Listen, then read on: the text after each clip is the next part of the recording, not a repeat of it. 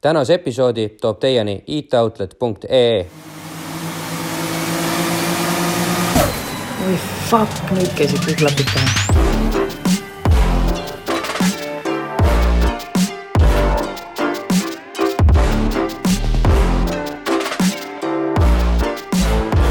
tere tulemast siit äh, Urban Garage'i äh, stuudiost äh, taas kord äh,, kus see nädal jätkame siis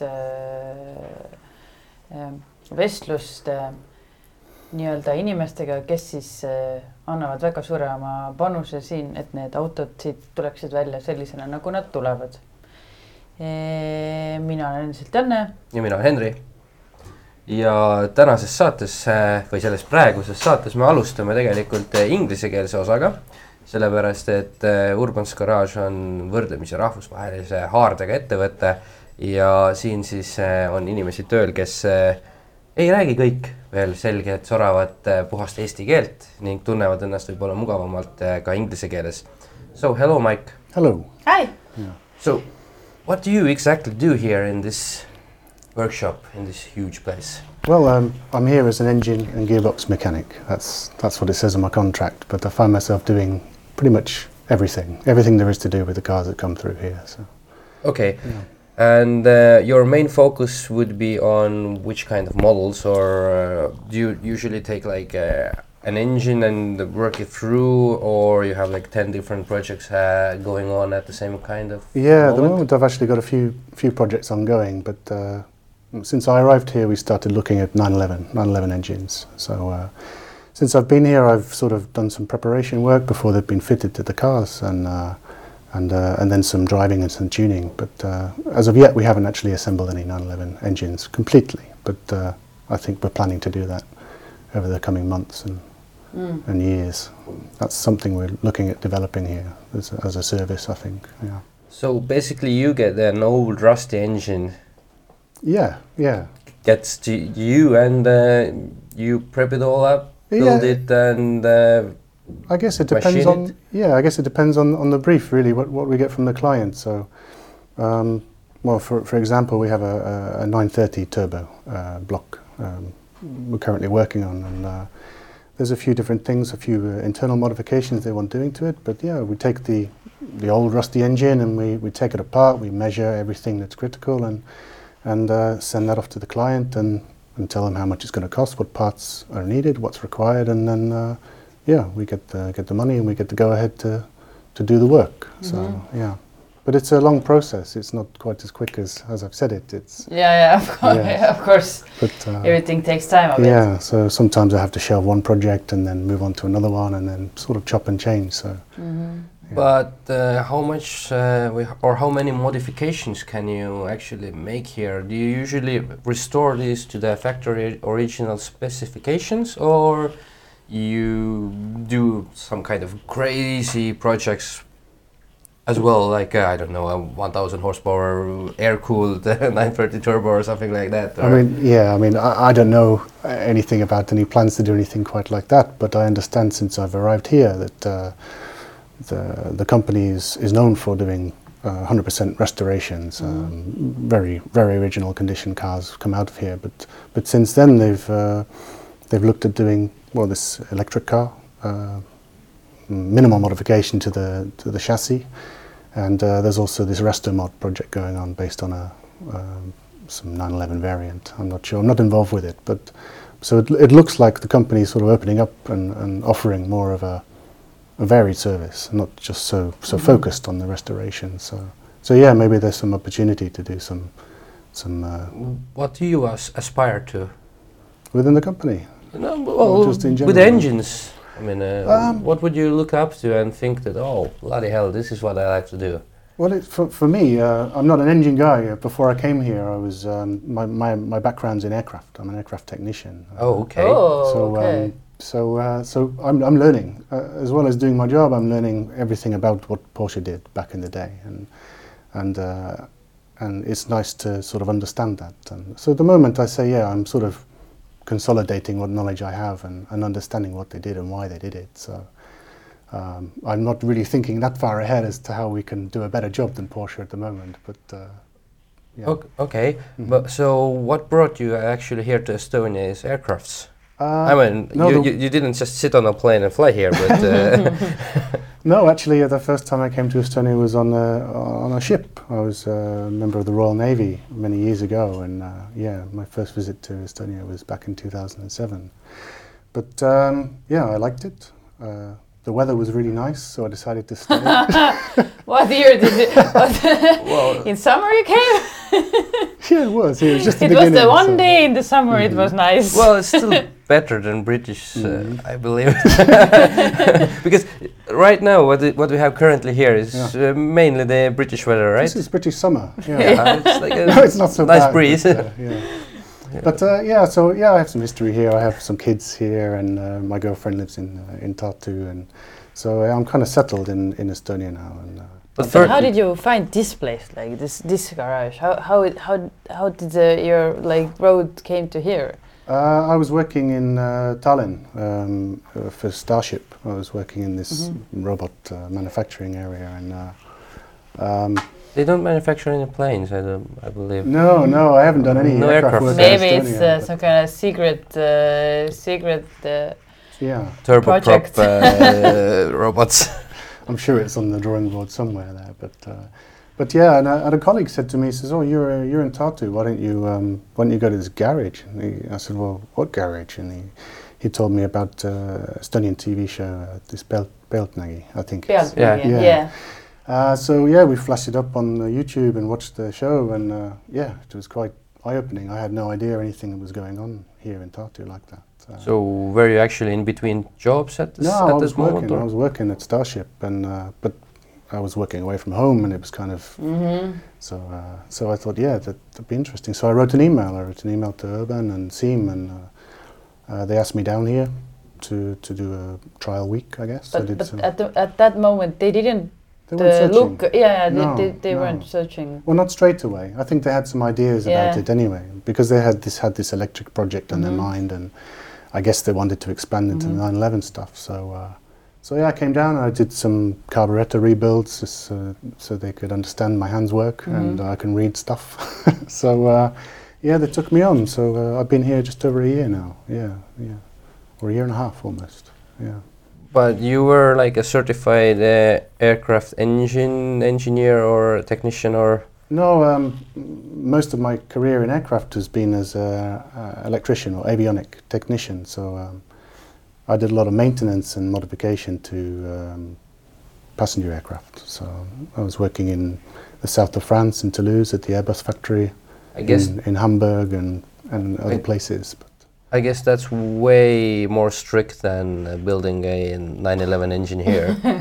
Yeah, I mean, uh, everything has its tolerances, you know. Uh, for sure, working in aircraft environment is a lot more regulated, you know. Uh, Yeah. Every every move is is recorded, and uh, Written. every turn of the spanner, or you know, if you change something, it has to be recorded. And there's there's not so much of that in cars because the stakes aren't so high, are they? You know, if the car stops working, it it rolls to a stop, and no one's hurt Mhm. most of the time. But if uh, if you get something wrong in an aircraft, there's a fairly large potential for things to go to go wrong. So yeah, But but uh, but, but the skills are the same. You know, you can.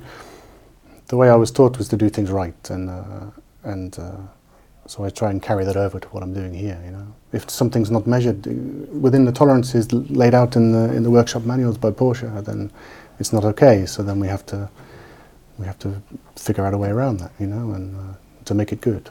Uh, do you have any background with uh, I don't like like cars or something like this? Just uh, just my own stuff, really. Um, I've I've owned a couple of old motorcycles, and uh, I'm running a an old T4 bus at the moment. I, I rebuilt the engine on that just through necessity because the what? uh, I rebuilt the engine. the what? The bus? What? What, what uh, kind of? T4. Well, Oh, the transporter. yeah, yeah, Volkswagen Yeah. So um, with the back engine, rear engine. uh, front No. engine T4, Ah, okay. the first one with the front engine. Yeah. But uh, yeah, I had some problems with that.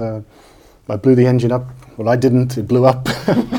I bought a reconditioned engine from a guy, and uh, he guaranteed it, but not if I fitted it. So I fitted it.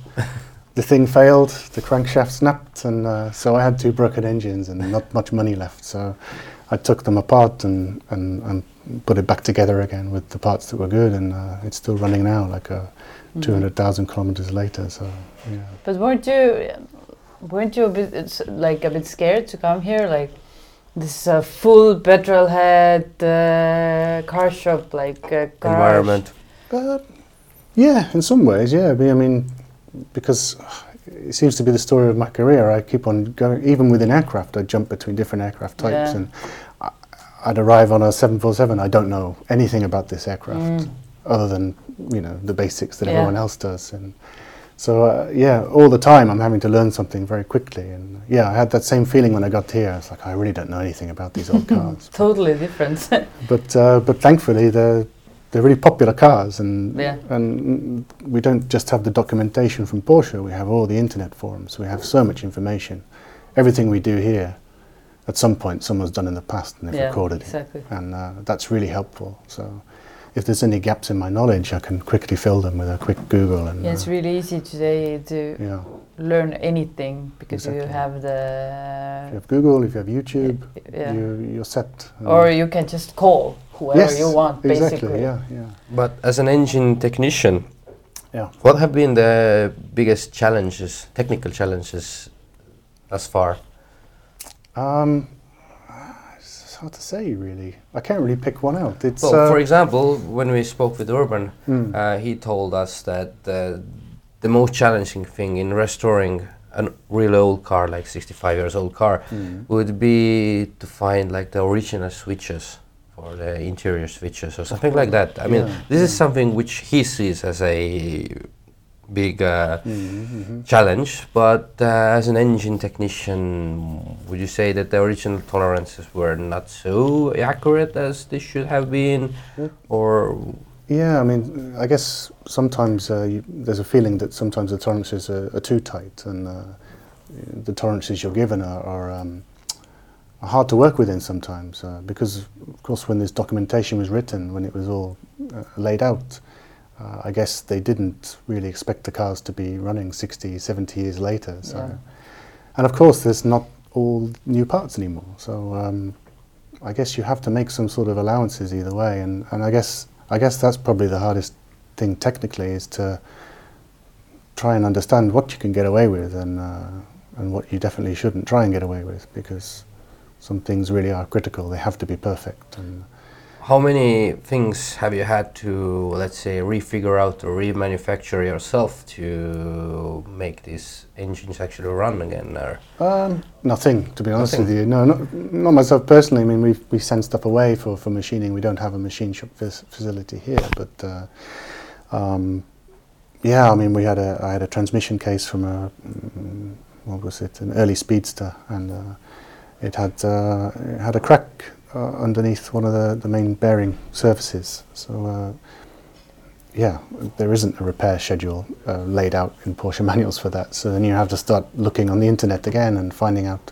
if there's a way to fix it or is it scrap. And uh, um, in the end, yeah, we found somewhere that does uh, this laser welding, and uh, they they guaranteed this this repair work. So we sent it somewhere in Holland, I believe, Speedco, and it came back and it's good to go now. They uh, this is aluminium, right? I think it's some sort of magnesium alloy case. Wow, this, okay. This split case. Uh, Okay, because the thing is that I understand if it's like aluminium or something, then Yeah. uh, very often uh, the material itself is porous.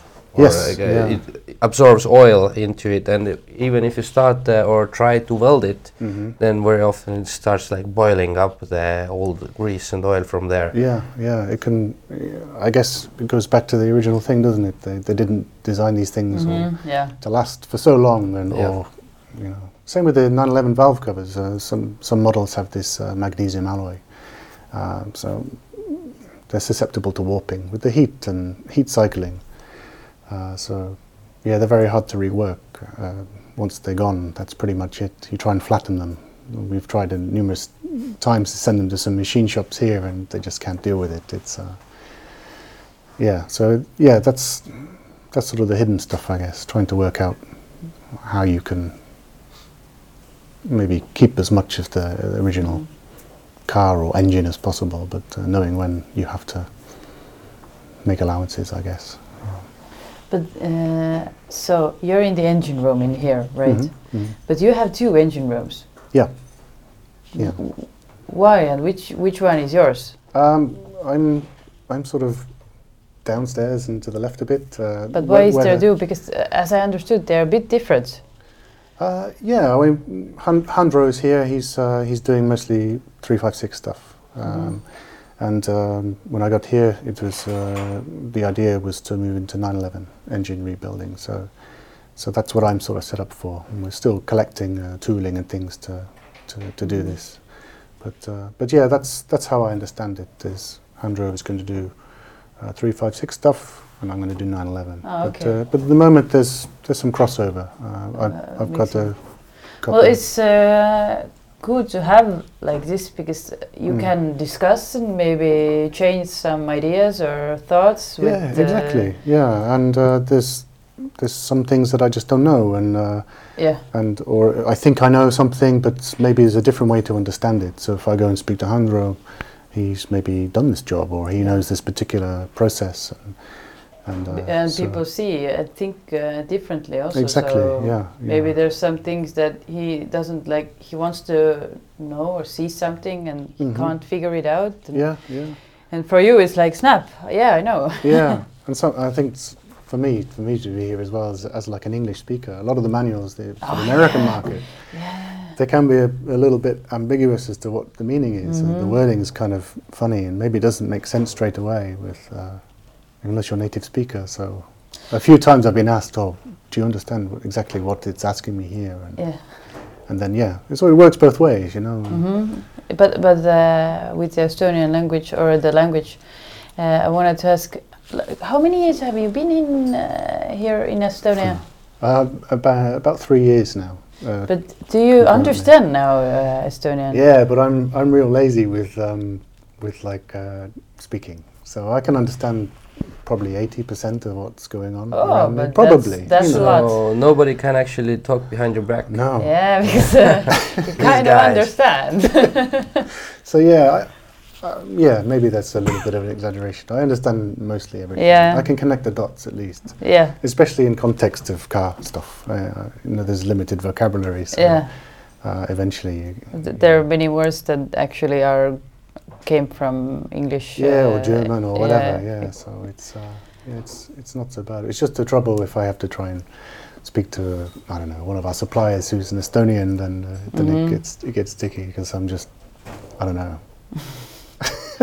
But in this Yeah. city, it's uh, easy to get along only with English because there's so For many sure. young people and stu- students and Yeah, foreign yeah. students as well, but because all of them uh, speak uh, English. Yeah, I found that even even more so uh, But that's I've been here. that's yeah. uh, also negative because uh, that's uh, more yeah. more easy f- uh, for you not to learn the local language because everyone comes to you. It happens quite often, yeah. I sometimes, well, quite often I try. I go to a store or something, Yeah. or a restaurant, and I order in Estonian, and they understand straight away I'm not Estonian, Yeah. and they maybe like to take the opportunity to speak Yeah. English to me. And Because Estonians also like to show that they know other Yeah, languages than, exactly, than their own. so yeah, and of course all TV and all radio, Yeah, all yeah. music is all in English, so it's yeah, Yeah. it's kind of hard to sort of sub, up, sub, uh, wow, what's the word? Uh, immerse myself Yeah. in, in the language like like I would do if I was, I don't know, in Japan or something like that, you know. But For Yeah. sure. yeah. Mm. But anyway, I'd say thank you for coming and explaining something about the engines and the Yeah. engine room work as well. Mhm. Uh, we definitely had a blast. Mhm. I mean, Very here. interesting to know that uh, some people come from totally different uh, backgrounds. Mm. Like uh, I wouldn't guess that. Yeah, yeah, It's it's cool- it's, cool it's good. see. It's a nice opportunity here. I mean, Yeah, it's good. Uh, good uh, the people here understand that. Uh, and you definitely have some other knowledge and uh, eyes to see mm, these things differently because you come from totally different uh, area. yeah, puts yeah. things into different light Yeah. and different Yeah. perspective. But thank you. Okay, it was uh, thank you, nice yeah. to meet you and uh, interesting conversation. All right. Yeah. Thanks very much. jah. Nii ja nüüd äh, järgmisena jätkame oma vestlusi äh, äh, järgmise Urbani ühe talendiga siis jah.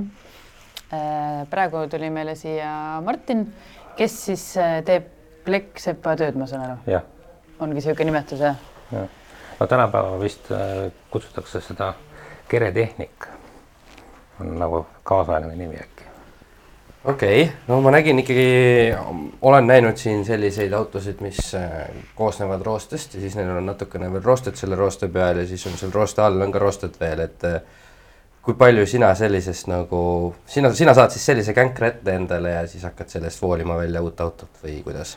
no põhimõtteliselt jah.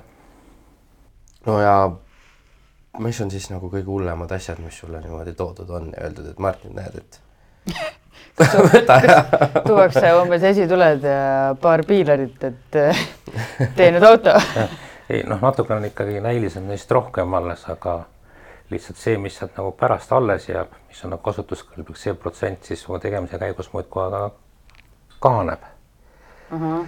sest iga peale puhastamist on ju näha, kui palju teda alles on uh. -huh. ja aga mis siis nagu noh, ütleme niimoodi, et kas siis võib öelda, et mõne sellise nii-öelda musta numbrini taastatud auto puhul on originaalplekki vähem kui kakskümmend protsenti näiteks seal? jah, vabalt. täitsa uus kere põhimõtteliselt, täitsa uus auto saab tehtud mm ei noh, ta ikkagi ei ole päris uus, sest kui ikkagi mingi osa on sealt vana. ja, aga uued autod tehakse ka ju uuesti pressitud äh, metallist. ta on midagi muud, ei ta on ikkagi midagi muud. okei, okei. Ähm, sest ta on ikkagi uus auto, aga see, mis me siin teeme, see on ikkagi nagu restoratsioon, taastamine mm. -hmm ma eeldan millegipärast, et sa ilmselt ei ole äh, alustanud oma nii-öelda seda leku elu siis niimoodi Porschesid restaureerides. ei, kaugeltki mitte. et, et, et tõenäoliselt olid ikka tavalisemad autod natukene ennem seda, jah? ja ikka, ikka. aga kas, kas seal on siis nagu mingisugust nagu olulist vahet ka, et eh, miks sa tahad teha neid vanu, mitte ei, mitte keerata külge siis äh, uuele Škoda Octaviale, mis on teinud nii väikse küljekõksu ja paneks uue ukse ja tiiva külge ja saadaks maalrile edasi? noh, kuna neid on tehtud algul ikka hakkad väiksemast asjast, siis kasvab, kasvab. ja kui need väiksed on liiga lihtsad, mingis momendis ta on igav. noh, üldse me nagu näeme tegelikult siin selles majas, et äh, hästi palju siinseid inimesi on rahvas, kelle soontes voolab nagu üksjagu palju bensiini. et see midagi, mis nagu kutsub siis äh, tegelema just nimelt selliste erilisemate asjadega no kas just ütleme, et voolab veres bensiini, aga eks neid igasugu spetsialiste, neid ole siin Eestis ka muudel eh, ettevõtetel, kes tegelevad tänapäevaautodega, lihtsamate asjadega. aga see kontingent, kes kindlasti siin töötab, töötab, et nendel seda püsivust midagi nagu teha peab olema oluliselt rohkem kui need, kes mingisuguse kaasaegse lihtsa asjaga tegelevad või kus saab nagu ütleme vähem teha et siis... ka, mis ma nagu näinud olen, kes on ka kuskil proovinud neid teha, siis tihtipeale ongi see kogu see projekt läheb tolle nahka, et lihtsalt väsinetakse ära, tüdinetakse ära või saavad oskused otsa või. kas see püsivus siis on selle, sellepärast, et, et see üks projekt võtab nii kaua aega, et, et selle kallal püsida või mis? jah, jah, põhimõtteliselt jah et ei ole niimoodi jah, et ühe päevaga saab äh, üks Škoda täiesti uue selle töö tehtud ja siis. jah, no nad ei käi nii pärne. kiiresti jah, noh, kaasaegse puhul on jah, antakse seal ju uued detailid, asjad, siin tuleb need vanad korda teha või siis täitsa uued teha, see kõik nõuab aega. aga noh, äh, kaua sa siin nüüd muidu olnud oled? siin olen ma olnud poolteist aastat. Äh, kas noh, nagu, nagu sa ütlesid, et seda püsivust on vaja ja siin äh, noh, ikka tööd on palju, et äh, selles mõttes, et äh, endal ei ole vahel, äh, et kurat, see ikka liiga, liiga palju, et tahaks vahel nagu lihtsamaid asju teha, kas sellist tunnet on? see ongi, kuidas sellesse suhtuda, sest ega poolteist aastat, mis ma siin olen olnud, on võib-olla mõni nipet-näpit mingi teine asi olnud, aga põhimõtteliselt ma olen see poolteist aastat tegelenud ühe ja sellesama kerega aa, niimoodi. ja selles mõttes, et noh, et üks kolm, nii-öelda kolm-viis kuutega oled siis tegelenud sina? ühe, ühe. ei, ühe ainsa autoga, konkreetse autoga. jah. poolteist aastat? jah. ma just enne mõtlesin, et enne kui sa jõudsid jälle hakata küsima, et küsiks, et noh, et mitu autot mitu siis sinu juures läbi käinud on, et noh, et kui palju siis keskeltläbi võtab aega ühe niisugune kere taastamine? eks sõltub ka, palju sealt alles on. nojah, seda ka kindlasti, jah. aga kas poolteist aastat oled sa seda ühte teinud, aga vahepeal ühtegi teist ei ole? mingid, ütleme võib-olla seal mõnetunnised mingid, kus on midagi vaja, midagi niisugust mingit lihtsat, aga no neid ei saa nagu arvestada, et põhimõtteliselt võime ikkagi öelda, et poolteist aastat ühega aga kuidas selle ühega on, et hakkab äh, lõpp ja paistma? lõpp paistab jah, viimased asjad on seal jäänud. täiesti ulme, seda ma ei oleks ette kujutanud. kui hullus seisus see auto siis pidi olema, mis sulle niimoodi toodi siin no see- seal on natukene mind ka oli tehtud, aga toongi nüüd see auto võib-olla, kus on nüüd väga raske välja arvutada, kas seal on kaheksa või kaheksateist või viisteist või palju siis seal originaaltükke nüüd alles on. protsentuaalselt siis mõtled? jah, jah okei okay,, et ta toodi siis nagu mingi maa seest välja kaevatud äh, or oranži värvi asi? ei kujuta ette, kus ta oli, aga algselt, kes nad siia saatsid, nad algselt mõtlesid ikkagi, et ta on täitsa frakk, et nad ei tee temaga midagi. Aga ikka sai teha, jah? jah, no no vot, terenumber ja kuna ikkagi sellel autol on ju mingi väärtus ma kujutan ette, et Titanicu merepõhjas on nagu paremas seisus laev kui see Porsche, mida sa hakkasid tegema. jah, kuigi ma ei usu, et see Titanic on ka ikka omajagu ära mädanenud, et okei aga kuidas su tee üldse si-, noh, kuidas sa siia üldse jõudsid, et noh, nagu sa ütlesid, et sa oled olnud teiste kohtade peal ja ega ma palju väga teiste kohtade peal pole nagu olnud. aga kuna mul perekonnas mul isa, isa vend, mõlemad tegid sama tööd, siis ma ise alustasin juba suht varakult sellega. vahepeal ta on ka põhitöö, vahepeal on ta ka hobi, aga nüüd viimased pea kaheksateist aastat on ta nagu igapäevaselt olnud selline töö ja siis mul muidugi oma oma töökoht või oma, oma, oma ruumid, kus sai nagu ise tehtud. Aga et nüüd teha selliseid töid sellises mahus, siis lihtsalt siin Eestis meil ei ole kanti, kellele müüa. no ma just ei kujuta ette ka jah, et nagu mulle esitatakse arve pooleteise aasta jagu keretööde eest, et noh, üks mees on teinud poolteist aastat äh, kui me räägime ainult keretööst, jah. kolmsada kuuskümmend päeva enam-vähem tööd, eks jah. ole, kaheksatunniseid tööpäevi. ei, meil on tööpäevad kuus pool tundi aa, okay., et, natuke saab sealt siis soodust selle arvelt see läks küll odavaks praegu. aga ei no aeg on see ruttu minema ja ega ongi, kui midagi tegema hakata, kõigepealt on vaja mingid šabloonid, asjad, need mm -hmm. võtavad aega, siis on vaja töökäik läbi mõelda. mida ja kuidas, siis lõikad selle tahvli välja, siis hakkad seda tahvlit töötlema, et ta võtaks mingi õige kuju. Teie siis nagu selle ratta peal rullite nagu neid tükke jah ja.? Et äh, kuidas üldse šablooni tegemine välja näeb täna nagu vanaaegne meetod, et äh, võtad papitüki, väänad paika ja siis lõikad või kuidas see ei, papiga ma ei usugi päris saab, paber, paberiga? näiteks paber jah. on mingi See- spetsiaalne niisugune jõupaber või? kes, kes mida kasutab, saab igasugu asju kasutada. võib plekiribadest painutada, mis on kohe juba siis vastavas raadiuses, siis vertikaal, horisontaal, mingi iga vahemaa tagant. Neid variante on palju, aga on ka mingid lihtsamad tükid, et siis ega, siis ma ei raiskagi selle peale aega, lükkad juba silmaga enam-vähem, teed talle mingi kuju üle, lihtsalt kuristad ära, läheb külge. aga kui sa nüüd selle ratta peal seda plekki hakkad vändama, eks ole, või tegema, et äh, kuidas sa teed nagu kindlaks, et vasak ja parem külg näiteks on identsed, et ainult silmaga vaatad või on mingi, šabloonid, ikka teed šablooni, paned selle peale, vaatad, et nüüd on natukene vaja siit väljapoole näiteks seda, seda nurka või seda painet on vaja natuke kaugemale saada ja ajada siis niimoodi šablooni järgi või? jah, šablooni järgi aga selle šablooni, kuidas sa teed alguses? võtad mõne, plekiriba näiteks ja selle venitad või kahandad, siis äh, kui ühte, võtame plekiriba, ühte külge venitame, hakkab ta keerama teist külge või teiselt poolt kahandame.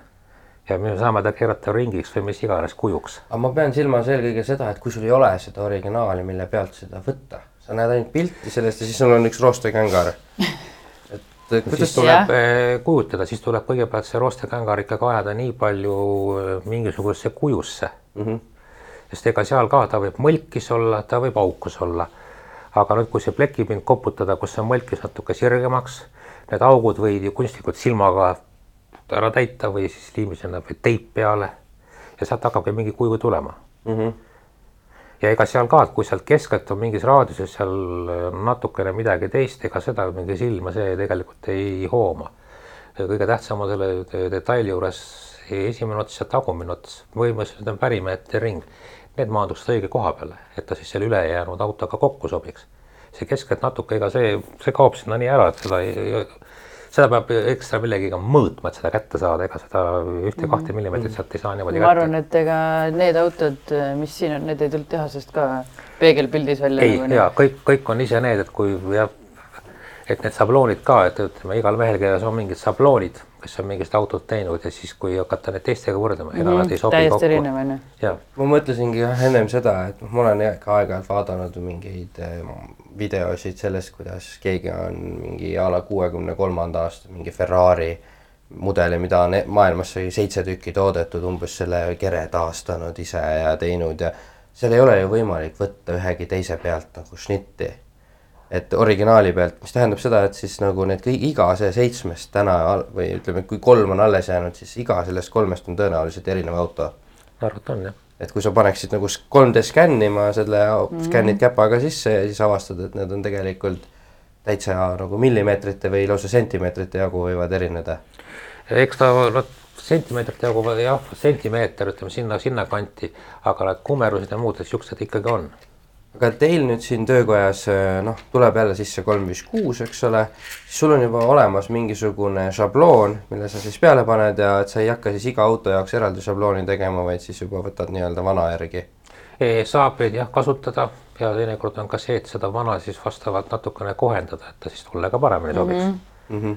sest kui juba seal üks külg on ilus, mida pole vaja nagu puutuda, siis tuleks ju proovida see teine külg sinna peeglipilti saada. aa, okei okay et juhul, kui ta tehasest on natukene teistmoodi tulnud kui sinu šabloon, eks ole. jah, ega see hakkab alati ju rohkem seda välja näitama, et kui nüüd vasak-parem on erinev mm. -hmm. et no, esma, esmatähtis on ikkagi seal see ka identsus mm. -hmm. kuigi siin nende vana Porschede puhul ka siin ikkagi teatud tema need kurvid ja need raadused, ega need peavad ka ikkagi jääma sinna loomulikult, ega seal meil töös nagu palju eksimisruumi sealt ei ole aga nüüd sa rääkisid, et ennem noh, vahepeal on see olnud sinu hobi ka. et eh, kas tegid siis mingeid enda autosid või, või noh, nagu sihuke haltuura korras asi pigem? eks oli seda kõike. mis on siis siuksed, milline on sinu auto ajalugu siis? Vaevalt sa nüüd Opel Astrat eh, enda jaoks putitasid hobi korras garaažis või midagi siukest tegid? ei, siukest ei ole teinud, mul on üks hobiauto olnud, too seisis viis aastat ja siis ma müüsin ta maha, sest mul ei olnud tolleks aega. no see on see ju, et kingsepal endal ju saab. jah, ei, see on ka, eks ka kunagi, kui sai alustatud, siis ka tegelikult, eks siis juba pakkus või oli tegelikult tahe teha neid vanemaid asju, midagi siukest, aga siis seal noh, üheksakümne kandis ja kaks tuhat alguses meil polnud see vastav, et tööriistu siin saadaval mm. -hmm. ja eks ei olnud ka kellele, kuhu või teha või niimoodi, et see ootas natukene. eks mingi aega nagu oligi töö ikkagi hobi, aga nüüd on ta hulk aastaid on ikkagi põhitöö mm. -hmm. aga ma ei saanud ikka enne vastust, et kuidas sa siia Urbanisse jõudsid? kuna siin ikkagi oli vist Facebookis oli vist kuulutuse nad otsivad, tuttav andis mulle teada. ühesõnaga nad täitsa nagu otsisid. et ta otsib, ei mina ei otsinud. Nemad, ei ma mõtlen nemad. Nemad otsisid mm -hmm. jah. Mhm. läbi tuttava tuli see info, et otsib, ma korra mõtlesin. aga kuna see Tartu on ikka suht väike, ei jaksa mm -hmm. me enam kõike nagu ju teame siin üksteist. muidugi. eriti veel niisuguse kindla ja. ala peale, et väga konkreetne äh, see seltskond. nojah aga ega midagi siis Oskad. rohkem polegi praegu, mootoritest oleme rääkinud ja nüüd oleme keredest rääkinud ja usun, et siis on aeg minna edasi juba järgmiste selliste. kindlasti need küsimused tulevad siis, kui me oleme siin lahku läinud ja õhtul koju sõidame autoga, et siis oh, vot seda, et see pleku töö on väga huvitav alati, et. väga loominguline. ja endal ka alati huvi olnud, et seal on nagu igasugused need, need protsessid või lähenemisviisid, kuidas mingeid asju teha, tunduvad siuksed huvitavad, et aga aitäh sulle. ja, aga palun. et äh, meiega jaksasid vestelda siin järgmise korrani siis. igatahes, näeme juba varsti. nii, et äh, jätkame nüüd siin Urbans garaažis Tartus ja meil on siin üks äh, tore külaline veel jäänud, kellega veidikene jutustada võib-olla niisuguste innovaatilisemate projektide üle ja selleks on siis meil Fred Mölls. tere! tervist! mida sa teed üldse siin? mina tunnen sind ju hoopis teistsuguse ala pealt, et lennuki no, no, tehnikust, drifti ko ma olin jah, põhimõtteliselt tehniline, tehniline olin driftis jah ja. varasemalt, aga ega seal, kui aastaid ühte sama asja teed, siis läheb igavaks ära vaata. nojah, aga see ei olnud sinu töö niikuinii selles mõttes, et see oli sinu hobi, et. no see oli jah, jah, jah, jah. Ja nojah, varasemalt äh, ma tegelikult äh, õppisin Eesti Lennuakadeemias. Äh, lõpetasin seal siis selle nii-öelda mehaaniku eriala mis siis eeldaks seda, et ma peaksin nii-öelda lennukimehaanikuks minema või siis nii-öelda ühel päeval inseneriks, kui sa oma tüübi justkui nagu kätte saaksid. aga sellega oli nagu noh, esialgu, kui ma kooli läksin, oli mõte ikka see, et, et, et, et et kümne tuule poole siit Eestist, et siis nagu mm -hmm. ei ole vahet. mujal äh, õitseb, kõik ootab sind avasüli. no lennukid viivad niikuinii vaata, et siis nagu ei ole nagu vahet, aga, aga siis kuidagi see elu läks teistmoodi, et jäin kuidagi siia Tartusse rohkem paikseks ja, ja siis siin just noh, üks lennujaam on, aga sealt lennatakse kord päevas enam-vähem on ju, mhm. et siis seal väga midagi selle haridusega peale hakata ei ole. et siis ma no aga Tallinnas on ju Magnetic MRO no, ja noh. jaa, ma käisin, töötasin ka Magneticus kunagi selles mõttes, aga see commute imine edasi-tagasi on ikka suht jah. sa võtad Tartu-Tallinna vahelt või? no Tartu-Tallinna vahelt ikkagi ta muutub tüütuks noh, kui mm sa ikka mingid vahemikud pead seda sõitma, ei ole nagu hullu mm, -hmm. aga kui sa ikkagi käid niimoodi, et sa oled kolm tööl on ju ja siis pendeldad põhimõtteliselt kogu aeg, noh, nädalas sõidad mitu korda Tallinn-Tartu vahel. kas sa ikka... tead seda, et Tallinnas elavadki inimesed ja seal on täitsa majad on, ja äh, seal on isegi ja... kortereid jah no.. Tallinnas saab elada. Teie kontseptsioon on minu jaoks natuke sihuke noh no, kaheldav leiab ka siukseid natukene väiksemaid ja sõbralikumaid kohti väljaspool okay, ümberringi. vaibiga linnaosasid ka nagu Kalamaja ja. saab, aga no seal on lihtsalt minu, minu puhul oli see, et elamistingimused eeldavad esiteks seda, et mul peab olema normaalne garaažipind, mis on ligipääsetav minu elukohale onju. kui ma need faktorid sinna paika panen, siis ma pean teenima oluliselt rohkem Tallinnas kui ma Tartus pean teenima, et seda võimaldada no,. sest et distantsid lähevad nii pikaks, et no ma ei lähe õhtul sõida tund aega kuhugi garaaži pinnale, kus ma siis saan tund aega midagi teha ja siis on tund aega tagasi, see on nagu mõttetuks ära vaata mm. -hmm. ja kui sa võtad nagu need äh, parameetrid nagu paika paned, siis äh, minu elustiilile sobivalt Tallinn mulle ei sobi vaata, sest ta -hmm. lihtsalt on liiga suur nii et kuna sa selle garaaži jutu juurde juba jõudsid, siis noh, haridus jooksis mööda külge maha ja garaaž oli oluline ja puha siis mida sa sellises garaažis üldse tegid, et mis milleks sul seda garaaži vaja oli? ei, ei põgene, sa oled nii, me oleme veel nii noored, et me veel ei põgene oma selle noh, kuidas öelda, taignarulliga naise eest garaaži ära peita. ei oota no., mina, mina ütleks, et minu, minu nii-öelda autode kogemus hakkas tegelikult pihta, ma arvan, sellest, kui ma Volkswagen Polole, mis oli sedaankerega, panin mootorrattakarpad peale ja siis aru sain, et esivedu on mõttetu, sest et ratt mähivad tühja ja mitte midagi ei toimu, vaata rool läheb kangeks ja mm -hmm. et siis ma peale seda kolisin oma esimese Mercedese peale ja mis ma tolle autoga kohe varakult õppisin, oli see, et kui sa tahad, et see asi sõidaks ja töötaks, siis sa pead seda ise remontima sest et äh, ta oli selle kurikuulsa nii-öelda KE Electronic Britsega, millega sa läksid siin ühte töökotta, läksid teise töökotta, laiutati käsi, küsiti, kuhu ma pistiku taha lükkan, on ju, ja nii edasi.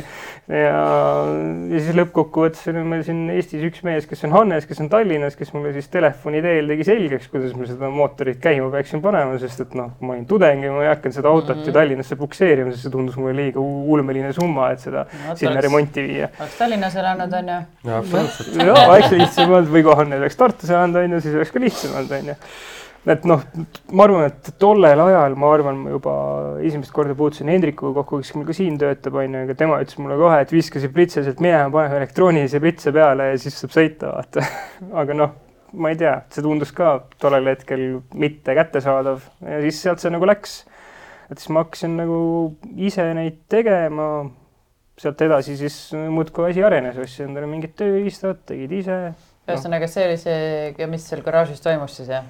miks sul seda garaaži vaja oli? nojah, selles suhtes minu, minu printsiip on see, et ma siiamaani remondin kõik oma autod või sõidukid, millega ma liiklen, remondin ise selles mõttes. ka mm. värvin, ka keevitan, ka ehitan mootoreid, kui vaja on, selles mõttes. käigukastid on, automaatkäigukastid, siis ma tõstan käed üles, sest no, mulle ei meeldi automaatkastid, ma, ma vihkan automaatkastid, okei okay,, võib-olla need uuemad PDK-d või mingid siuksed huvitavad kastid veel, aga see minu autode valik jääb niikuinii enne kahte tuhandet, siis seal see automaatkast on sihuke, et lase kuul pähe põhimõtteliselt. nojah, PDK on ju tehniliselt manuaal, no robotiseeritud küll. nojah, aga okei okay, jah, vaata. nii Mersu, tegid oma Mersut, igapäevamersut hoidsid niimoodi liikvel, aga tegelikult sa oled ju kindlasti veel mingeid asju ehitanud, et äh, no. no to, tollel ajal ma arvan, kui mul see garaažipind oluline oli, siis ma, mul oli mingi moment oli, ma arvan, mul on neid sada üheksakümmend kutsikaid on olnud mingi üle paarikümne, mingi paarkümmend, kakskümmend kolm, kakskümmend kuidas neli me need äh, mingisugused äh, mudeli fännid üles leiame nagu?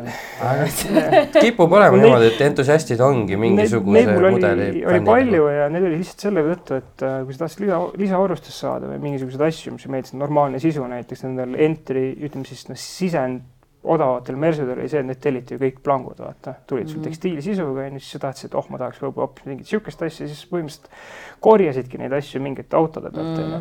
Lammutasid mingeid, et saada paremaid mingeid tükke, mis sul enda autol vaja oli. auto sellepärast, et seal oli midagi, mis sa tahtsid, on ju. nojah, põhimõtteliselt see no põhimõtteliselt tähendaski seda, et nagu kui noh, vaata mida isegi tänase päevani palju ei tehta, on see, et Bemmi vennad ajavad taga ju oma mingeid LSD dihvreid on ju, maksavad sellest mingi WIPO ulmelisi summasid on ju. Mersu puhul on see, et sa võtad ASD dihvri, viskad sealt äh, hüdropoole välja, viskad sinna klotsi sisse, saad LSD põhimõtteliselt. noh, seda, see on suht lihtne tegelikult seda ringi teha ja selle dihvri saad sa kätte mingi kolme-nelja sotiga isegi tänasel päeval noh. noh, lihtsalt minu jaoks oli see kogu aeg oli see cost related vaata, et sa võid olla nagu seda, selle tee peal, kus kõik on, aga siis sul on konkurents tihe nendele asjadele, mida sa tahad. või siis sa lähed mingit teist teed pidi, kus ei ole nagu nii suurt konkurentsi, kus ei ole nii palju know-how'd on ju. ja sa saad need asjad odavamalt kätte, sageli isegi parema tulemuse vaata.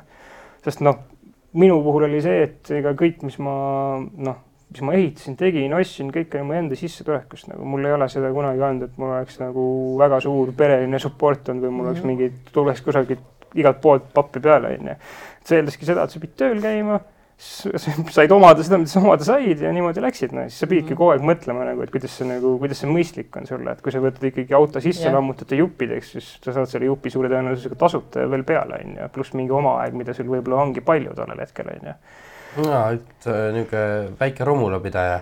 ei no, noh, selles mõttes on iga neid korraga mul nii palju ei olnud, ma arvan, korraga mul on kõige rohkem olnud autosid, noh, pigem vähe. kas sa olid see, et äh, kus sul need garaažiboksid on järjest ja siis sa olid see nagu igas garaažibokside selles on alati see vend, kellel on need kaks, kaks äh, autot seal väljas niimoodi seisavad, kasvavad äh, rohtu või? ei, mul. Ei, tal liiklus nad ikka tihti nagu. aa, vanematel tal tegelikult, rot- või need. roteerusid need kaks autot. vanematel tegelikult on maakodu on piisavalt nagu suur, et ma ei pea nagu, Aa, ma ei pea okei, nagu selge. selles suunas vaatama, siis ma kunagi töötasin ka veel tegelikult lammutuses päris, siis ma sain ka nagu mingeid oo, asju ise nagu mahlane värk ja. no see oli Bemmi lammutus seal nagu ei olnud aga midagi kuidas nii palju seda ei teinud äh, ratsionaalseks endale, et noh, et Ei, no sa mul Bemm on ka. aa, no tahtsingi öelda, et, et sa enne lihtsalt rääkisid, et mis oleks mõistlik, et sel hetkel oleks ka see mõistlik olnud, et noh, kõik see on kätte saada.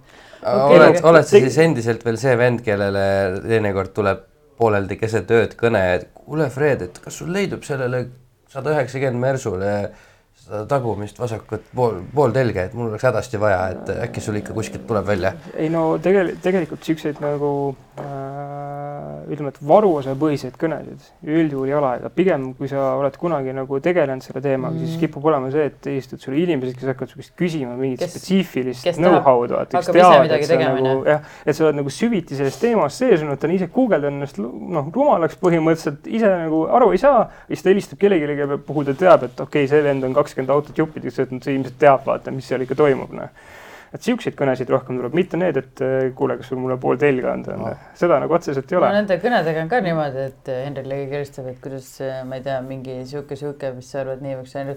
kuule, ei, ma ei tea, aga kuule, helista see Petsile vaata, et noh, Pets kunagi tegi seda, et ma arvan, et see võib ka nii olla, et kuidas need inimesed jõuavad. no eks ta ikka on ja aeg-ajalt küsitakse, helistatakse, et kuule, et sul see LS-i seda kolbi ei ole või et kurat, põles üks ära, et äkki sul ikka oleks midagi. no min, minul oli see, et ma hakkasingi algusest sellest peale, ma tegin neid asju, mida mul oli vaja teha ja siis mingi moment ma hakkasin nagu noh, hakkasin helitehnikast huvitama näiteks, mis on ka autodega seotud, sest et vanematel autodel kõige suurem error minu jaoks on see, et heli on nagu jura võrreldes uute jah. jah. et sa istud seal sees, sa võid seal teha, mis sa tahad, aga lõppkokkuvõttes ikka istud mingisse uuemasse autosse, mõtled no kurat, äh, kõrged on jama, aga no bass on parem ikka kõvasti, no miitbass eriti no ilmselt seal on muidugi ka see, et see vanemate autode isolatsioon ja materjalide erinevus üldse on nagu nii suur juba, et see ilmselt seal vibratsioonid, heli, ma ei tea, lainete siis äh, põrked ja nii edasi on teistsugused kui praegu uutes autodes, kus on mõeldud rohkem.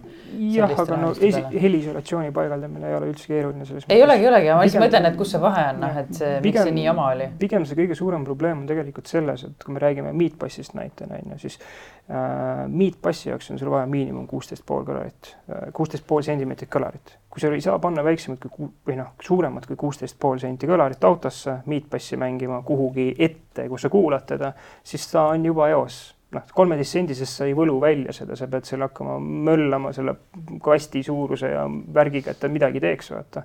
et sellepärast näiteks, kui sa võtad mingid Passatit B5-d, nendel on nagu bass juba tehasest enam-vähem okei okay,, sest neil on ustes juba normaalsed kõlarid või kõlarikohad olemas. aga kui sa võtad BEM-i, millel on kolmteist senti ees, siis kõik topivad sinna ovaalid taha, on ju selleks, et midagi üldse tuleks, on ju. aga siis on see probleem, et sul tuleb miitpass tagant ja sa istud ikkagi uut autosse, siis tunned nagu, ei no ei ole ikka päris see, vaata, sellepärast et sa pead olema lähemal sellele kuulamispunktile, vaata. Sa ei saa nagu lihtsalt auto peale kõlareid suvalt laiali visata ja siis arvata, et see asi töötab, no vaata. kui ma tahtsin just talvel omal Challengeril seda asju tegema hakata selle heliga, et nüüd noh, jälle natuke targem, ma ei jõua asja võtad küll teada. mõõdulindi välja, hakkad mõõtma kohe üks asi on see mõõdulindi. teema, aga nüüd tänasel päeval ju, vaata kui vanasti oli see, et sul äh, makiga möllata, on ju, siis nüüd on ju kolinud see asi niimoodi edasi, et kui sa tegelikult isegi võtad mingi noortehniku mm Mhm. -hmm. iganes suvalise audiopoe lahti, sa ei saa enam isegi normaalset makki, sellepärast et praegune nii-öelda see trend on liikunud sellele, et ostetakse heliprotsessoreid ja põhjus, mille pärast ostetakse heliprotsessoreid, on see, et siis sa saad põhimõtteliselt igat kõlarit nii-öelda protsessoris äh, seadistada oma kuulamispunkti järgi, mis tähendab seda, et näiteks tagumised kõlarid äh, mängivad natukene noh, ma ei tea, ütleme, et varem, kui nad kaugemal on, on ju, selleks, et see heli jõuaks sinu kuulamispunkti samal ajal.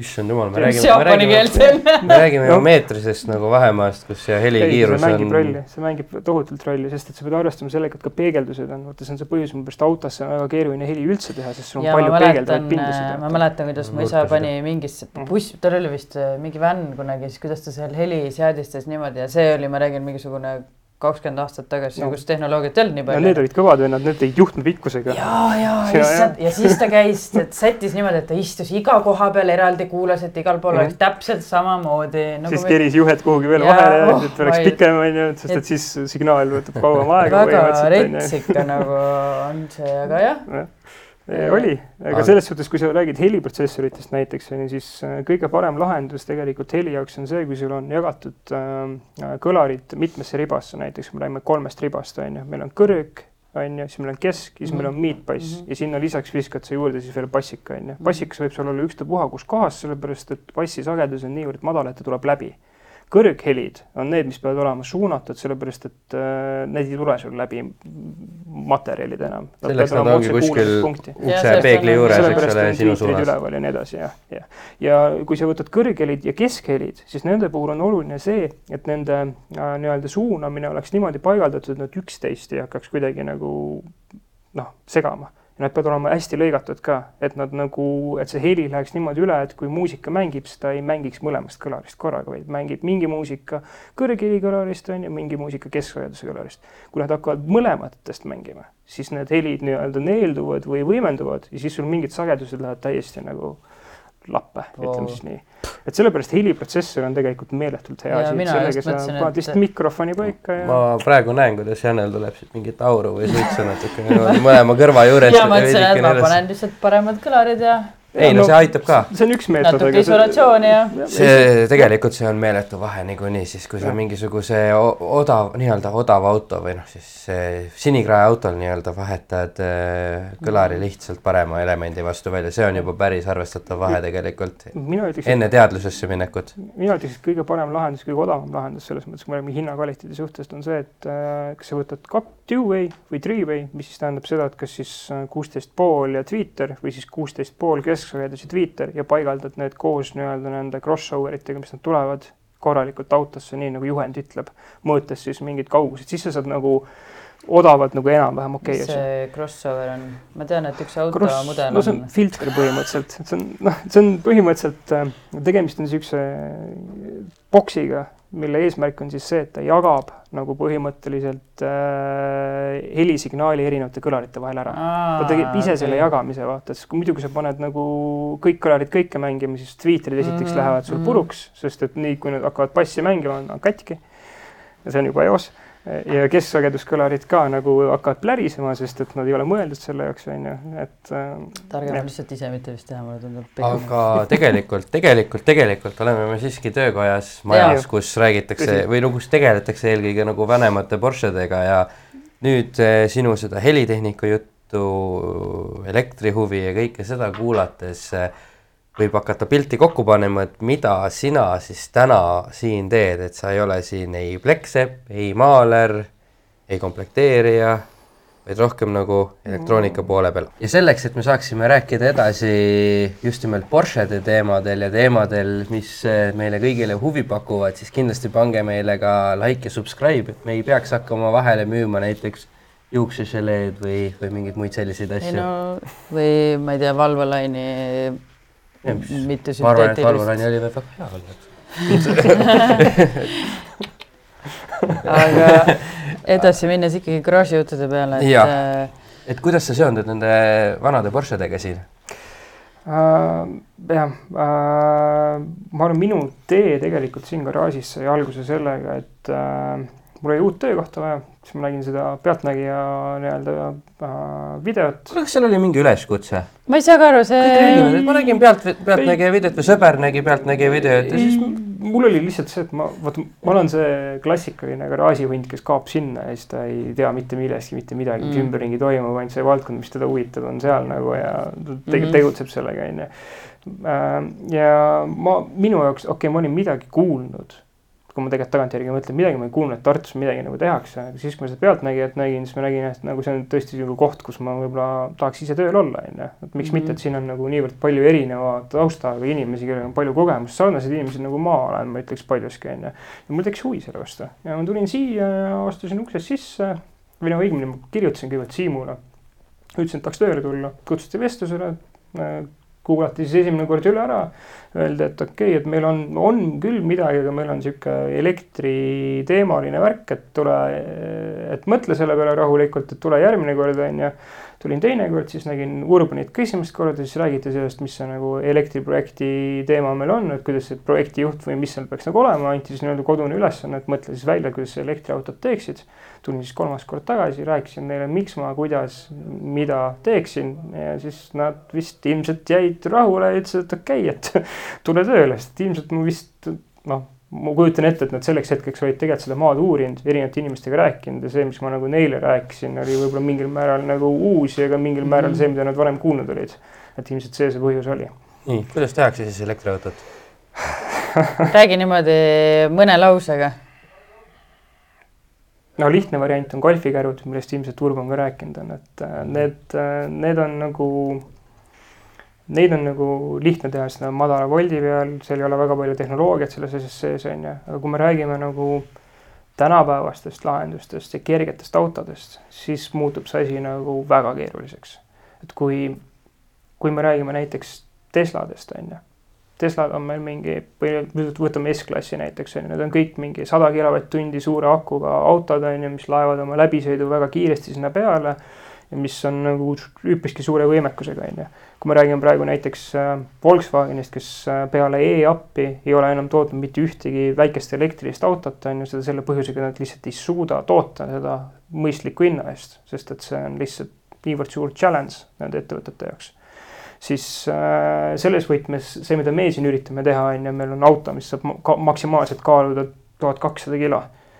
proovi nüüd sinna kuidagi pakkida sisse arvestatavat range'i on ju. jaa, sest no isegi Jah. väga sihvakas, sihvaka välimusega elektriauto, mida sa näed, kaalub rohkem kaks pool kaaluda? tonni, onju. seal on väga lihtne põhjus, miks ta ei tohi rohkem kaaluda, sellepärast et äh, me peame jääma ikkagi selle auto registrimassi juurde. Me ei saa sarnaselt nagu mootorivahetustega, sa ei saa seda, seda autot üle koormata, vaata, siis sul on piduritega probleem, sul see veermik ei pea vastu sellele massile ja nii edasi, vaata. võtad tehasest tonnise auto, eks ole, mis on kuuskümmend viis aastat vana ja. ja hakkad seda tegema kahetonniseks, no ei tee. no ei tee, sa ei saa seda teha, aga siis see järelikult annab sulle väga korraliku challenge'i selles mõttes, et kui sul on auto, mis on juba tehasest väga kerge noh, Porsche kolm viis kuued olid ju Momentumi autod on ju, nad, nad ei kiirendanud kunagi kiiresti, aga nende võti oli selles, et nad läbisid kurve kiiresti on ju, et tänu sellele, et nad olid kerged ja nende vedrustus tegelikult oli okei okay selle aja kohta on ju. ja kui sa nüüd võtad selle auto, millel on Boxer neli tsiklimootor peaaegu põhimõtteliselt on ju, mingi suhteliselt minimalistlik käigukast on ju kütusepaak, pedaalid, pidurivõimenditki pole, on ju, sul pole väga midagi, mida sa saad ära võtta, mida sa saaksid nii-öelda akudeks siis ümber nii-öelda transleerida mm, -hmm. ütleme siis nii, on ju. ja see tekitab sulle kohe probleemi, et kust sa võtad selle kaalu.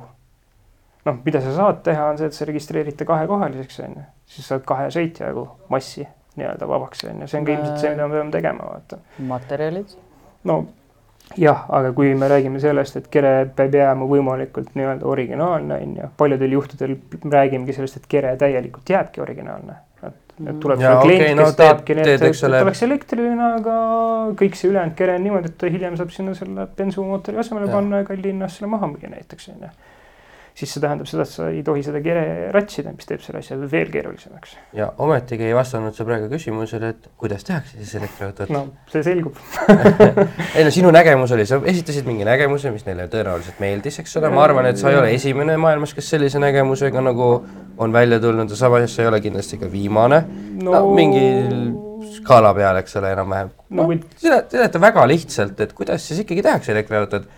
kas võtad mingi olemasoleva lahenduse, natuke modifitseerid seda või ma olen näinud, et tehakse, võetakse mingeid IMEV-i mootoreid ja akupakke ja pannakse neid teistele asjadele, tehakse Leafi mm., mis iganes asjadele, on mõned pannud ka Teslale, Tesla tehnika, mõni on pannud Teslale ka muidugi LS-i on ju peale no., et noh, nagu bensumootoriks teinud jah, no meil, no. meil tegelikult äh, Tesla tehnikat äh, praeguse seisuga kasutusse ei tule, et kui tuleb, siis võib-olla mingid väiksemad Tesla nii-öelda mootorid, et kui me räägime Tesla Model S-i mootorist, see on sada nelikümmend kilo on ju, et meie puhul see jõudlus, mis me sealt mootorist saame, me ei kasuta seda potentsiaali ära, sest see kere annab alla lihtsalt ennem.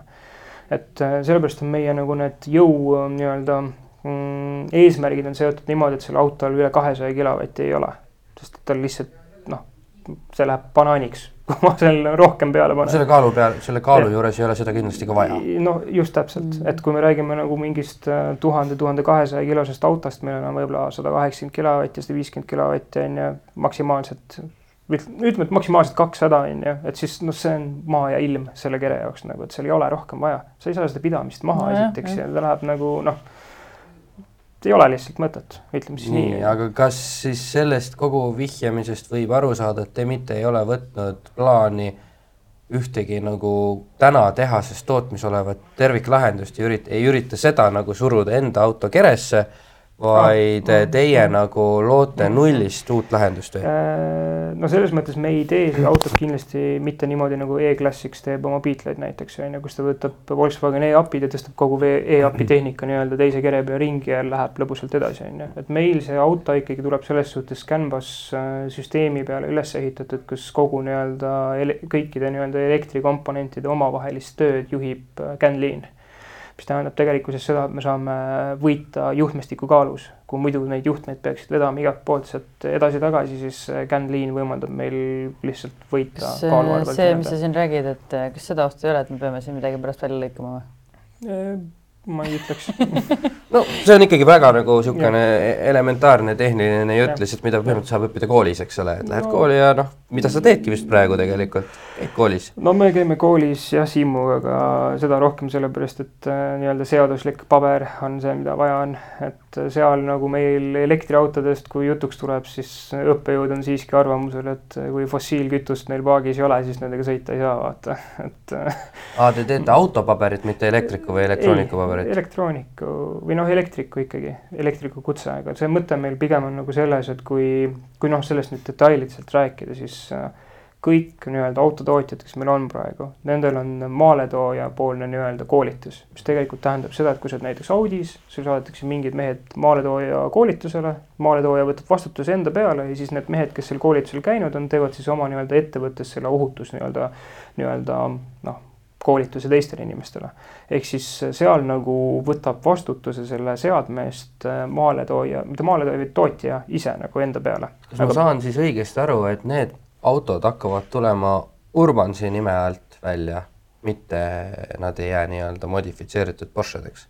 Te no, teete seda selleks praegu, et saada siis nii-öelda tulevik... tootjas nagu kvalifika-, standard nii-öelda. ütleme niimoodi, et eks tulevik näitab, mis, kuidas tulema hakkab, on ju, esialgne plaan on ikkagi pigem see, et me teeme nii-öelda ringi neid autosid, aga lihtsalt asi ongi selles, et äh, kuna tegemist on suure voldiga seadmetega, on ju, me räägime neljasajast voldist antud juhul, siis ikkagi teatud äh, ohutus peab olema tagatud ja peavad olema inimesed, kes ka nii-öelda siis selle mm. ohutuse eest vastutavad, ega need inimesed ei saa olla lihtsalt niisama inimesed, need inimesed peavad olema inimesed, kellel on ka mingisugune paber. ehk siis sinu, sinust saab siis sel puhul äh, Siimuga nagu see vastutavad äh, isikud siin majas selle projekti puhul või?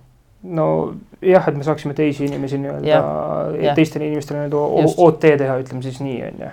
et selle, selle jaoks meil lihtsalt on vaja seda mm -hmm.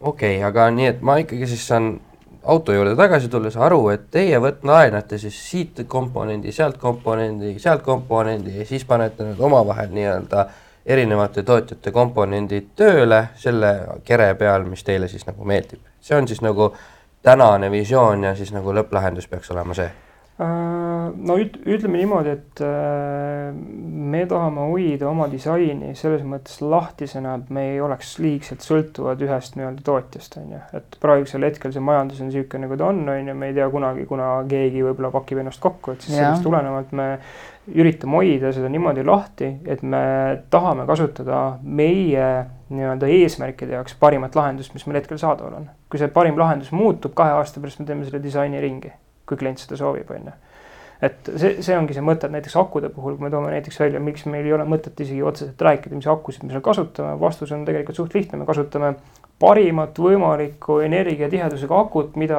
meie klient mm -hmm. saab endale võimaldada sellesse autosse, põhinedes sellel nii-öelda läbisõidul, mida ta soovib ja kaalul, mida ta soovib, on ju. aa, et te siis hakkate tegema siis nagu erinevaid variante sellest autost. kui sul tuleb turule mingi toode, mis on kõvasti parem, on ju, siis noh milles see probleem meie jaoks on see akupakk nii-öelda vastavaks ümber kujundada, et me saaks seda paremat toodet kasutada ja sellest tulenevalt on meil parem nii-öelda läbisõit näiteks on ju, või parem võimsus on ju.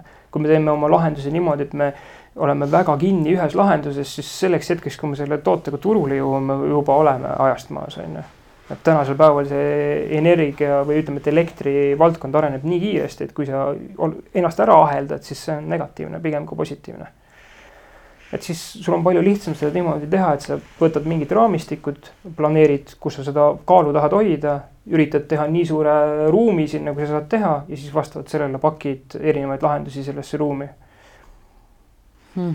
et selles mõttes see esimene nii-öelda, esimene nii-öelda see arendustöö on põhimõtteliselt sama, aga siis, et sa üritad sellesse ruumi siis maksimaalselt mm, -hmm. maksimaalselt kasulikult ära kasutada, ütleme siis nii. nii, aga mis see ET on? Valmimis, valmisaeg no,. esimene sõita? me tahaksime tegelikult praegusel hetkel meil kogu projekti liikumine sõltub väga kõvasti tarneaegadest, et noh, kui me no ilmselt inimesed on kursis ka sellega, et kui te midagi kusagilt tellite, siis ei pruugi seda kätte saada no, ei mitte see kuu ega mitte järgmine kuu. oleneb veel, kust sa tellid, kui sa tellid siit yeah. lõuna poolt alt midagi, noh siis vahel läheb veel kauem aega. no meil mootorite, inverterite tarneaeg on pool aastat umbes, ütleme nii et äh, pluss veel siis äh, saatmine sinna otsa mm, -hmm. mis ei ole Euroopast nende mootorite puhul, mida me ah. ühes autos tahame kasutada.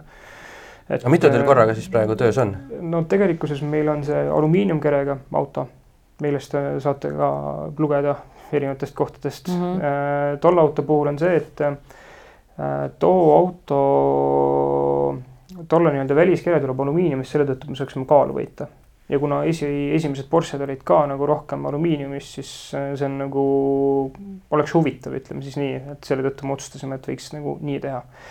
Äh, teine auto tuleb meil nii-öelda prototüüplahendus, kus me tahame tegelikult äh, testida MEEP platvormi nii-öelda meil on plaanis kasutada MEB platvormi sõiduajamit, aga sellega on teatud nii-öelda, vabandust, mis asja? M, M-Hev või? ei, MEB, Meeb, on, MEB, MEB on äh, näiteks ENIAC ahah, Škoda ja Vaagrupi siis nii-öelda need me räägime nendest nii-öelda äh, ID3, ID4 mm. -hmm. ja nii edasi, on ju, sellest platvormist põhimõtteliselt. miks me seda vaatasime, on see, et äh, sealne sõiduajam on oma võimekuselt ja kaalult niisugune sobiv meie jaoks, et meil ei ole mõtet nagu vaadata sõiduajameid, mis suudavad rohkem toota kui kakssada kilovatti, sellepärast et me ei kasuta seda, mis tähendab seda, et ta on juba eos mm Mhm. -hmm. raskem tänu sellele, et ta rohkem jõudu peab tootma, on ju. seega me kaotame jälle kaalu mis on hästi oluline, sest et mida kergem see auto tuleb, seda paremini ta käitub, seda paremini ta sõidab, seda paremad ringiajad tal on, mis iganes, on ju, et et kaal on nagu premium meie puhul. Ja siis sellest tulenevalt äh, ei ole mõtet vaadata Taycanit, on ju, ei ole mõtet vaadata PBT platvormi, mis Audi kasutab, on ju, või mingeid Porsche nii-öelda uusi neid äh, elektrilisi lahendusi, mis nüüd tulemas on, sest et no nad on lihtsalt liiga võimekad selle kere jaoks Mhm. saan aru, jah. ja siis sellest tulenevalt me vaatame Volkswageni ideed, sellepärast et see on nagu rohkem, läheb kokku nagu selle ajalooga, ütleme siis niipidi, et kui sa kasutad Volkswageni juppi Porsche küljes, mis on noh, sellest ajastust pärit, kui need teed enam-vähem lahku läksid, on ju, siis on nagu rohkem aktsepteeritav kui see, et kui me paneksime sinna Tesla mootori peale näiteks, on ju. Et siis praegused lahendused tegelikult meil on äh, orienteeritud kas motospordi lahenduste peale, kus me kasutame motospordis kasutusel olevaid elektrimootoreid või siis me kasutame nii-öelda MEP platvormi elektrimootoreid. Ja MEP on, on väga hea lahendus, kui me saame sinna korralikult niimoodi ligi, nagu meil vaja on. Et praegusel hetkel lihtsalt meil jah, ei ole niisugust ligipääsu sinna nagu vaja oleks no üsna lukus süsteemid. no üks asi on see, et nad on üsna lukus ja teine asi on see, et enamus tänapäevaseid nii-öelda neid äh, lahendusi, mis sa osta saad, on tegelikkuses süsteemid, millel ei ole täielikku ligipääsu. mida see põhimõtteliselt tegelikult tähendab, on see, et kui me räägime näiteks Tesla mootoriga nii-öelda elektriautodes, mis tehtud on, siis need elektrimootorid siiralt arvavad, et nad on ikka veel Teslas. Nad arvavad, nad sõidavad Model S-iga ringi praegu, aga tegelikult on hoopis Chargeri ümber, on ju. ja see on nagu probleem juhul, kui me räägime autodest, mille kaalu erinevus on suur. et noh, meie puhul, kuna meil on auto tuhat, tuhat kakssada kilo on ju, vahet pole, kust autost me selle võtame, see on maa ja ilm, vaata, meil ei ole tuhande-kiloseid elektriautosid, millest mm -hmm. me saaksime mootori võtta, kust siis kõik need parameetrid klapiks, kuidas ta, ta sõidaks niimoodi sellele massile sobivalt, on ju. et kui sa paned ta nagu kahe tuhande kilosest autost võtate, on ju, siis ta noh, ta lihtsalt see algoritmi mõttes ei sobi kokku, ülekannete mõttes ka ei sobi nagu väga hästi aga noh, mismoodi need lahendatud on, need, mis need elektrikad on, mis need nende Volkerite peal ka Eestis tehakse või? aa, need teised siin Jaa. üks Eestis vaata teevad nüüd Beatli kere peale Speedsterid ja millel on ka elektri mingi lahendus. Äh, ma arvan, Margus. Mitte liiga pikalt ei Marguse peatuks enda sellega. käest saab, ma arvan, paremini küsida selle kohta, aga ütleme niipidi, et äh, meie nimetame neid golfivõrgu lahendusteks puhtalt sellepärast, et need on saja voldi lahendused, et selle laadimise aeg on niivõrd pikk. et see on nagu, see on, see on niisugune lahendus, mida sa saad äh, vabalt endale USA-st tellida sisse, see on asi, millest kogu see nii-öelda elektriautode konverteerimine või ümbertegemine alguse sai, sai tegelikult niisugustest lahendustest, see siis, mis oli mingi kümme aastat tagasi, on ju. et me, me siin Urbanis üritame ikkagi teha asja, mis on tänasel päeval aktuaalne. ja sellest tulenevalt see lahendus meie jaoks lihtsalt ei, noh, aga ta ei ole sobiv. protsessi käigus, mis võtab aega, tänapäev muutub, et äh, no mitte nii kiiresti, et nüüd kümme aastat vana tehno-, tehnoloogiat peaks praegusel hetkel panema meie üpriski kallistesse Porschedesse.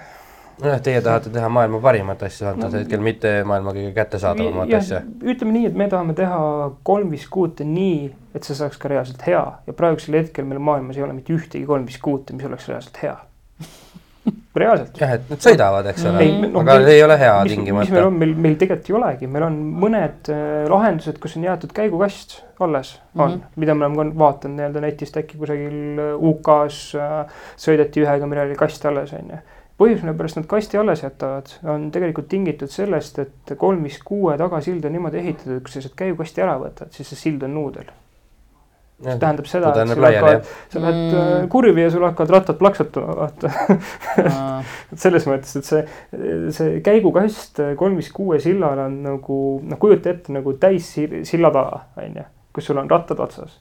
ja nüüd kujuta ette, et sul on käigukass seal keskel ja siis sul need sillatala hakkab ühelt poolt liikuma ja teiselt poolt liikuma, on ju. kui sa nüüd selle kasti sealt keskelt ära võtad, siis on jama majas, vaata mm. -hmm. ja kuna ta on täistalaga lahendus, siis see tähendab seda, et sul ei ole seal pool telgi, mis on kuulide peal, on ju vaid sul on siuksed, mina nimetan neid või noh, nimetan neid aerudeks, sellepärast et need on siuksed noh, poolteelilaadsed asjad, kus ühel pool on nuut ja teisel pool otsas on täpselt nagu aeru sihuke pea. sellepärast, et see lahendus on noh, niivõrd vana, vaata. ja sinna otsa nüüd arendada mingit käigukasti on kahel põhjusel väga mõttetu, esiteks sellepärast, et see on kiviaegne tehnoloogia, teiseks on see, et kui me sinna paneme nüüd suurema jõu, siis see pooltelg läheb puruks.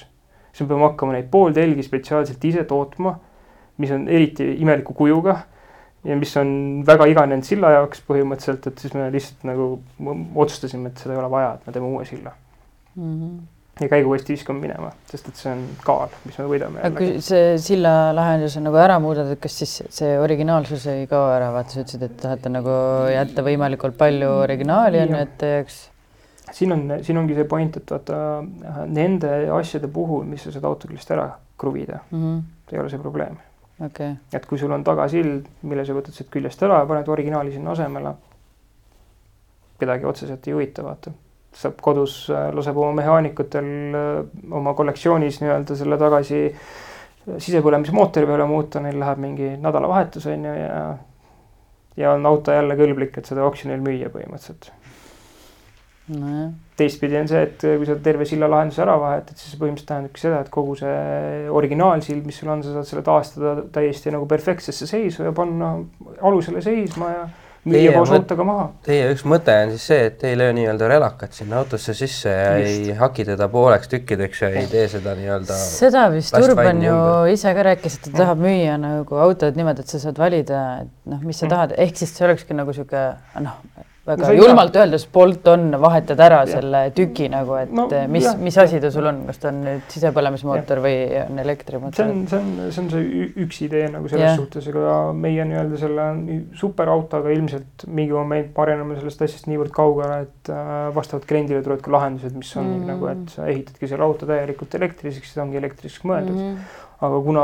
paljud kliendid on siuksed, kes ikkagi muretsevad selle auto originaalväärtuse pärast on ju, on ka neid kliente kelle jaoks on nagu oluline see, et ta saaks seda autot nautida, et ta ei peaks seal möllama nii palju, et see kiirendaks paigalt sajani kiiremini kui kakskümmend sekundit. kas üldse on maailmas praegu olemas niisugust asja, et sa saad noh, täna tahan sõita elektriautoga, järgmine pühapäev tahan minna sinna mingi Porschede üritusele, aga sinna ma pean ikka minema nagu sisepõlemismootoriga.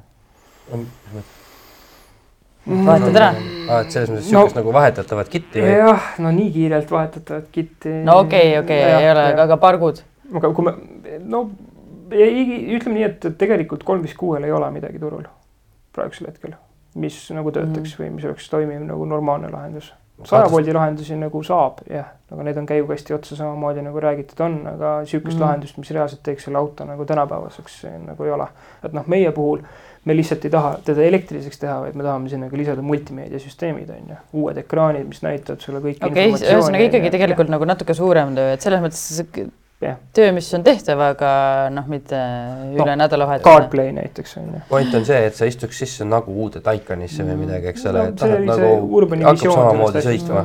et, et see on nagu ta on nagu Taikani funktsionaalsusega auto, mis sobib oma ajastusse, ütleme siis nii, et kui sa võtaksid selle kolm viis kuue ja lööksid sinna Taikani ümara leivakujulise ekraani on ju, siis see näeks ka nagu imelik välja. noh, paljude klientide jaoks, eriti kui sa võtad arvesse ka selle, et seda autot tahad pärast vanemaks muuta, siis noh, pigem teed need ekraanid siis vastavalt sellele, mis seal on, vaata et noh, iseenesest ma kujutan ette, et äh, oleks ka kliente, kellele võib-olla meeldiks, et see auto olekski seest täis modernne on ju, mhm. aga originaalsuse väärtuse mõttes ei ole seda mõtet teha no aga selge pilt siis praegu. aga väga päris... vahva, selles mõttes päris palju valgustasid meid ja saime päris palju targemaks no. elektriauto teemal meil küll. üheksa, üheksa kolmed on ka huvitav teema jah, aga võib-olla seda mõni teine kord, et mm. me peame nüüd edasi astuma, hakkama järgmiseid salvestusi mm -hmm. tegema, aga aitäh sulle. aitäh teile ja teiega näeme juba järgmisel neljapäeval järgmises osas. aitäh endiselt äh, tehnikateenustele ja videovanadele ja televisionile ja Urbanile, et ta meid siin vastu võttis ja like, subscribe nagu Henrile meeldib öelda. näeme varsti